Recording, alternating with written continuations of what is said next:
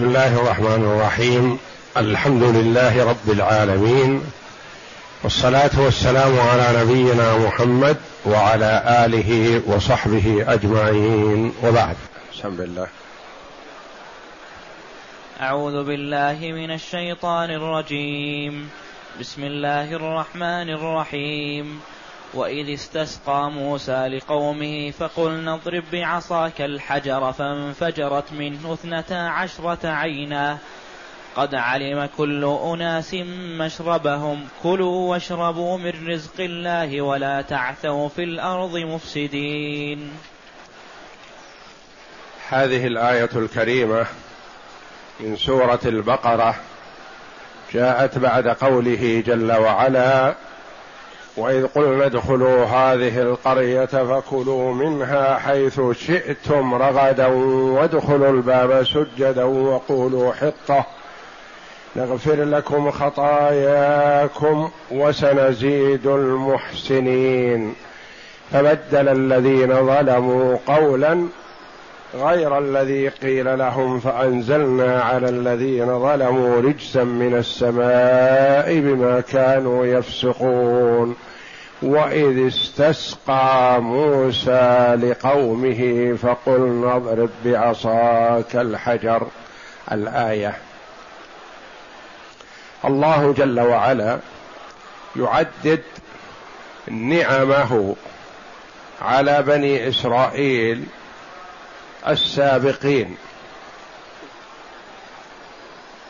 موحيا إلى محمد صلى الله عليه وسلم بذلك ليذكر أبناءهم وأحفادهم بنعمه جل وعلا على أسلافهم. يقول جل وعلا وإذ استسقى موسى لقومه يعني اذكر لهم يا محمد هذه النعمة التي امتن الله جل وعلا بها عليهم على آبائهم والنعم على الآباء تكون كذلك نعم على الأبناء والأحفاد. استسقى موسى لقومه. علمنا فيما مضى أن موسى عليه السلام تأثر من بني إسرائيل لما عصوه حينما أمرهم بجهاد وقتال العمالقة في الأرض المقدسة والدخول عليهم. قالوا إن فيها قوما جبارين. وإنا لن ندخلها أبدا ما داموا فيها. فاذهب أنت وربك فقاتلا إنا هاهنا قاعدون. تمردوا عليه. قال رب إني لا أملك إلا نفسي وأخي. فافرق بيننا وبين القوم الفاسقين. قال إنها محرمة عليهم أربعين سنة يتيهون في الأرض فلا تأس على القوم الفاسقين. الآيات في سورة المائدة. لما حكم الله جل وعلا عليهم وعذبهم وابتلاهم بالتيه أربعين سنة يسيرون ثم يعودون إلى المكان الذي ساروا منه. في مسافة قليلة من الأرض واد بين مصر والشام. يسيرون ليلا فيصبحون المكان الذي ساروا منه. يسيرون نهارا فيمسون المكان الذي ساروا منه. ومع هذا مع أنهم في حالة عقاب من الله جل وعلا عليهم أنعم عليهم. أنعم عليهم بالطعام المن والسلوى وأنعم عليهم بالظل بالغمام وأنعم عليهم بالكسى ثيابهم تطول معهم. ولا تتسخ ولا تبلى. والولد كلما طال طال ثوبه معه. طلبوا السقيا من أين الماء؟ من أين نشرب؟ فاستسقى موسى لقومه. وإذ استسقى موسى لقومه فقل اضرب بعصاك الحجر. آية عظيمة. استسقى يعني طلب السقيا. طلب الماء. والاستسقاء الشرعي على الصفة التي بينها النبي صلى الله عليه وسلم لأمته حينما تجدب الأرض ويكون القحط ويقل الماء يضرعون إلى الله جل وعلا بالصلاة التي صلاها النبي صلى الله عليه وسلم والدعاء والتضرع إلى الله. استسقى لقومه والمراد بقومه هم بنو إسرائيل. وكانوا ستمائة ألف. وكانوا ينتمون إلى أولاد يعقوب على نبينا وعليه أفضل الصلاة والسلام. الاثنى عشر. أولاد يعقوب اثنى عشر. كل ولد صار له ذرية وصاروا قبيلة وأمة من الناس. وكان بينهم ما يكون بين المتماثلين من الشحناء وعدم التآلف حتى إن بعضهم كان ما يزوج بعض. ويحاولون يتنافسون في الكثرة أيهم أكثر. وإذ استسقى لقومه فقلنا قال الله جل وعلا له اضرب بعصاك الحجر. عصا موسى عليه السلام الذي ضرب به البحر فانفلق والذي أرسله على فرعون فصار حية تسعى وضرب به هذا الحجر فانفجرت منه اثنتا عشرة عينا. هذا الحجر ما هو؟ أقوال للعلماء رحمهم الله.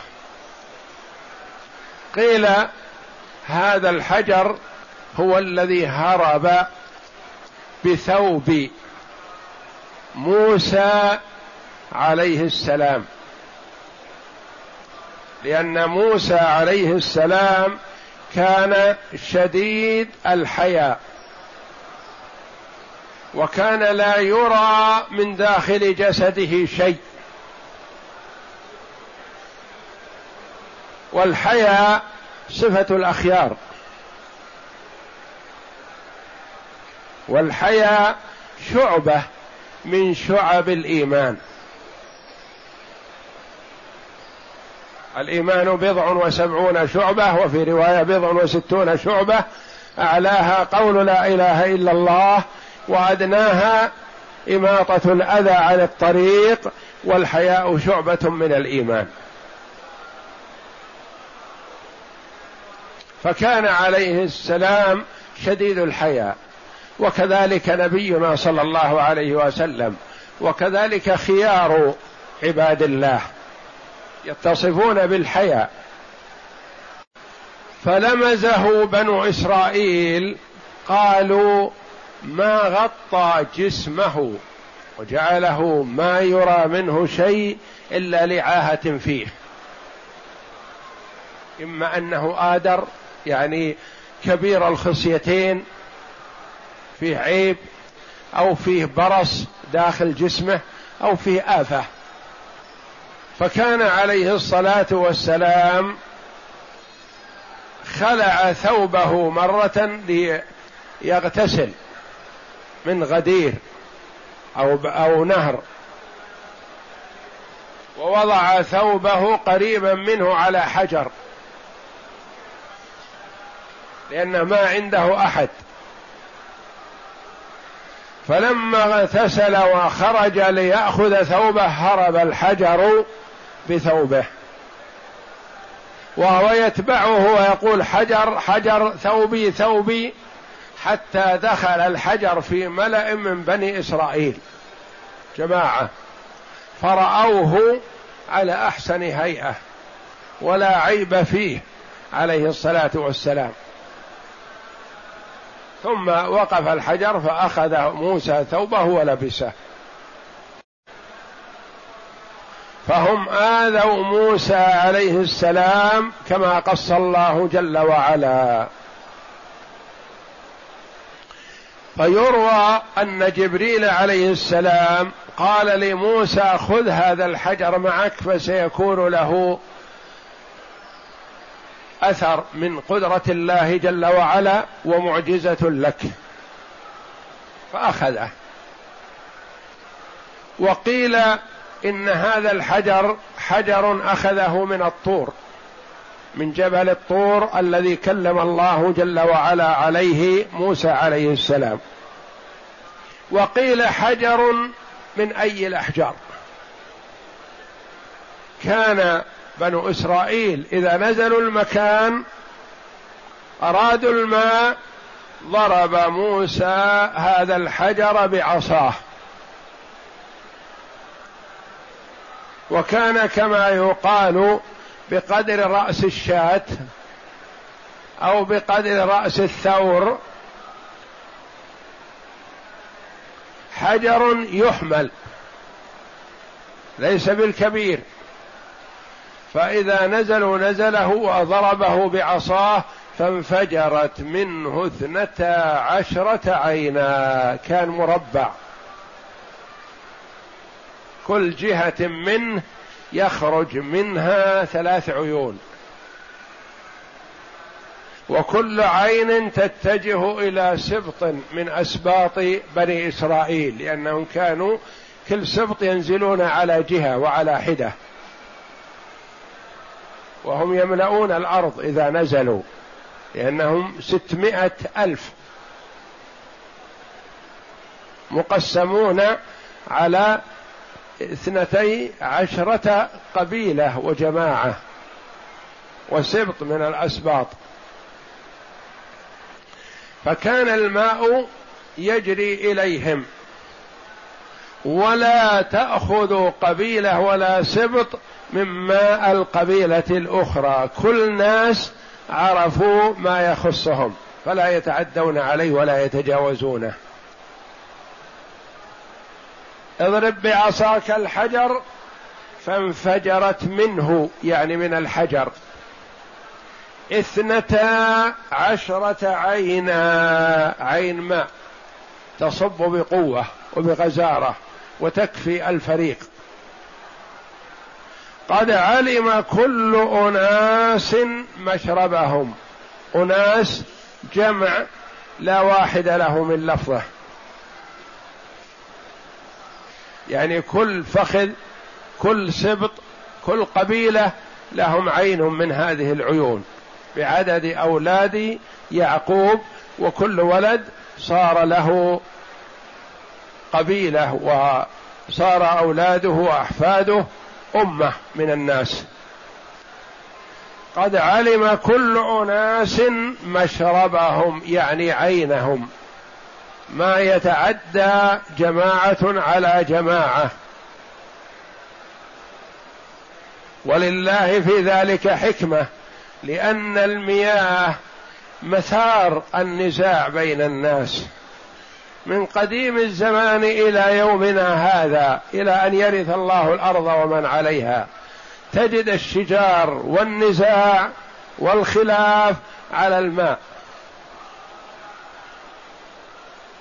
حتى في زمن الصحابة رضي الله عنهم تنازع عاملان واحد لعمر وواحد لأحد الأنصار على الماء فصار بينهم شجار ودعا بعضهم بعضا فقال عامل عمر يا للمهاجرين ودعا غلام الأنصار قال يا للأنصار بسبب الماء.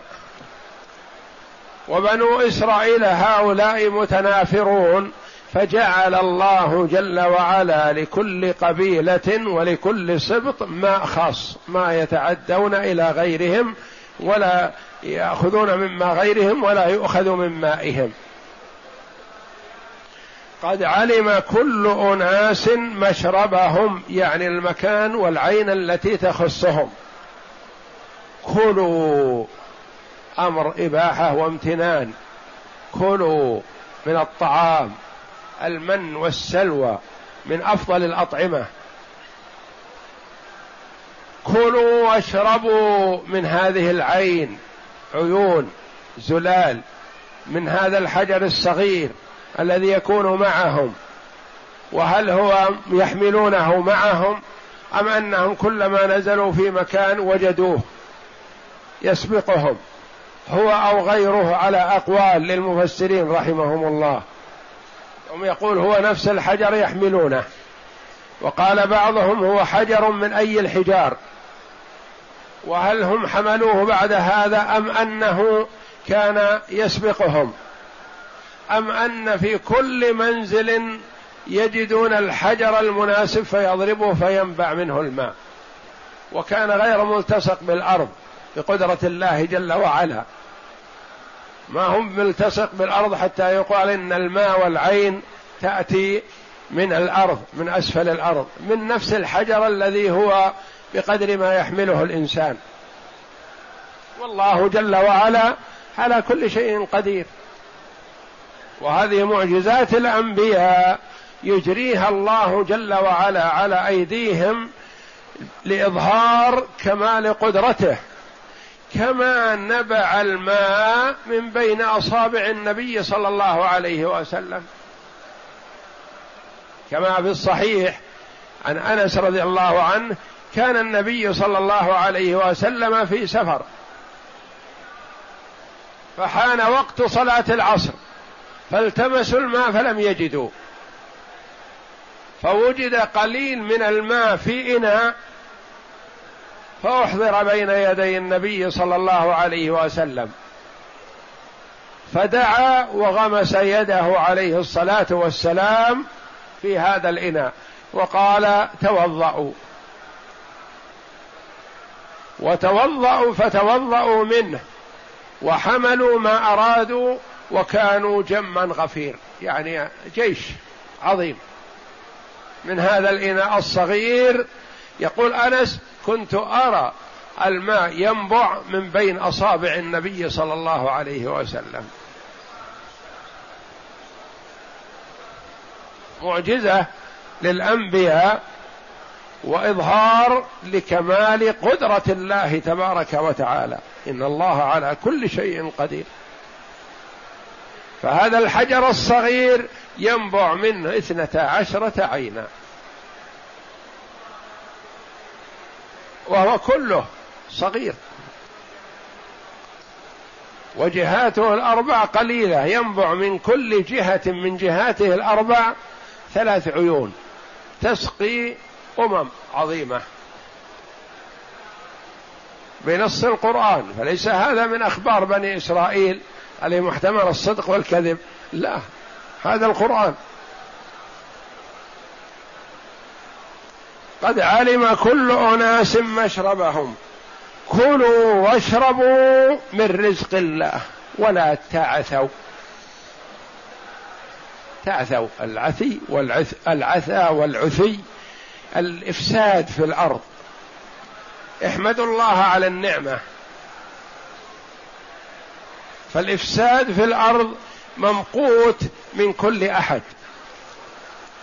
وخاصة ممن أنعم الله جل وعلا عليه. يعني الإفساد في الأرض من الغني والفقير والقادر والضعيف كله ممقوت إن الله لا يحب المفسدين. وخاصة ممن أنعم الله عليه.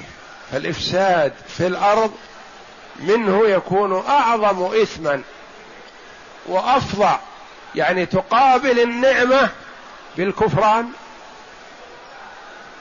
بدل ما تستعين بهذه النعمة على طاعة الله جل وعلا تستعين بها على معصيته.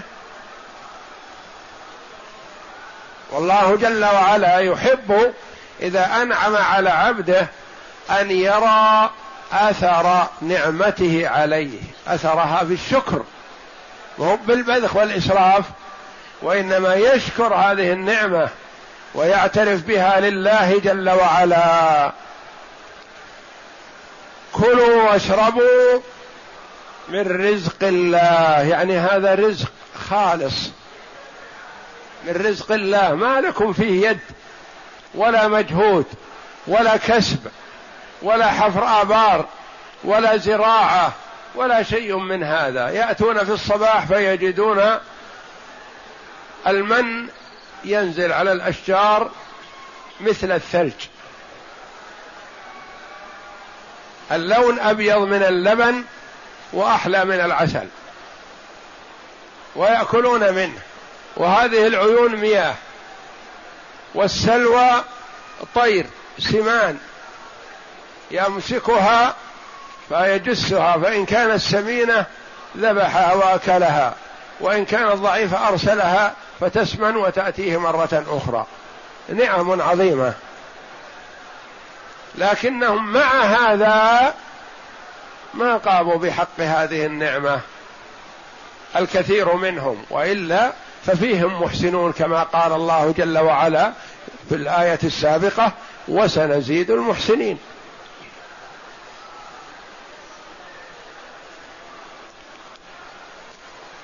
فهذه نعمة عظيمة أنعم الله جل وعلا بها على بني إسرائيل فما شكروها. فيذكر الله جل وعلا الأولاد والأحفاد بما أنعم الله جل وعلا على آبائهم وأن عليهم أن يحمدوا الله جل وعلا على ذلك ويتابعوا محمدا صلى الله عليه وسلم. وكانوا أقل الناس متابعة للنبي صلى الله عليه وسلم. المشركون أسلم منهم الكثير. النصارى أسلم منهم الكثير. ممالك وبلدان عظيمة. اليهود اللي أسلموا يعدون على الأصابع. فلان وفلان عبد الله بن سلام رضي الله عنه وأخوه وأفراد يعدون على الأصابع من أحبار اليهود من الله جل وعلا عليهم بالإسلام فأسلموا. عبد الله بن سلام رضي الله عنه الذي يقول والله إني أعرف محمدا أكثر من معرفتي لابني. لأن محمد أخبرني عنه ربي. ما في مجال للشك. اقرأ. يقول تعالى واذكروا نعمتي عليكم في إجابتي لنبيكم موسى عليه السلام حين استسقاني لكم وتيسيري لكم الماء وإخراجه لكم من من حجر يحمل معكم وتفجير الماء لكم منه من ثنتي عشرة عينا لكل سبط من أسباطكم عين قد عرفوها فكلوا من المن والسلوى واشربوا من, الماء من هذا الماء الذي أنبعته لكم بلا سعي منكم ولا كد. واعبدوا الذي سخر لكم ذلك. ثم قال تعالى ولا تعثوا في الأرض مفسدين أي ولا تقابلوا النعيم بالعصيان فتسلبوها. وقد بسطه المفسرون في كلامهم كما قال ابن عباس رضي الله عنه وجعل بين ظهرانيهم حجر مربع وأمر, وأمر موسى عليه السلام فضربه بعصاه فانفجرت منه اثنتا عشرة عينا. في كل ناحية منه ثلاث عيون وأعلم كل سبط عينهم يشربون منها. وقال قتادة كان حجرا طوريا من الطور يحملونه معهم حتى إذا نزلوا ضربه موسى بعصاه. وقيل هو الحجر الذي وضع عليه موسى عليه السلام ثوبه حين اغتسل فقال له جبريل ارفع هذا الحجر فإن فيه قدرة ولك فيه معجزة. فحمله في مخلاته فقال, فقال الزمخشري ويحتمل أن تكون اللام للجنس لا للعهد أي اضرب الشيء الذي يقال له الحجر. وعن الحسن لم يأمره أن يضرب حجرا بعينه. قال يعني أي حجر؟ بعض المفسرين قال أي حجر ما كان حجر الذي هرب بثوب موسى ولا غيره ولا حجر من الطور وإنما أي حجر إذا احتاجوا إلى الماء ضربه فنبع الماء منه. ضربه بعصاه. نعم. قال وهذا أظهر وهذا أكمل والله أعلم في المعجزة. يعني يكون أي حجر أي مكان ينزلون يأخذ حجر ويضربه بعصا فتنبع اثنتا عشرة عينا. والحجر موضوع على الأرض ليس مغروس في الأرض حتى يقال إن الماء ينبع من تحت وإنما من نفس الحجر هذا الصغير. وهذا أظهر في المعجزة وأبين في القدرة فكان يضرب الحجر بعصاه فينفجر ثم يضربه فييبس. وقال الضحاك قال ابن عباس لما كان لما كان بنو إسرائيل في التيه شق لهم من الحجر أنهارا وقال الثوري عن ابن عباس قال ذلك في التيه ضرب لهم موسى الحجر فصار منه اثنتا عشرة عينا من الماء لكل سبط منهم عين يشربون منها. والله أعلم وصلى الله وسلم وبارك على عبده ورسول نبينا محمد وعلى آله وصحبه أجمعين.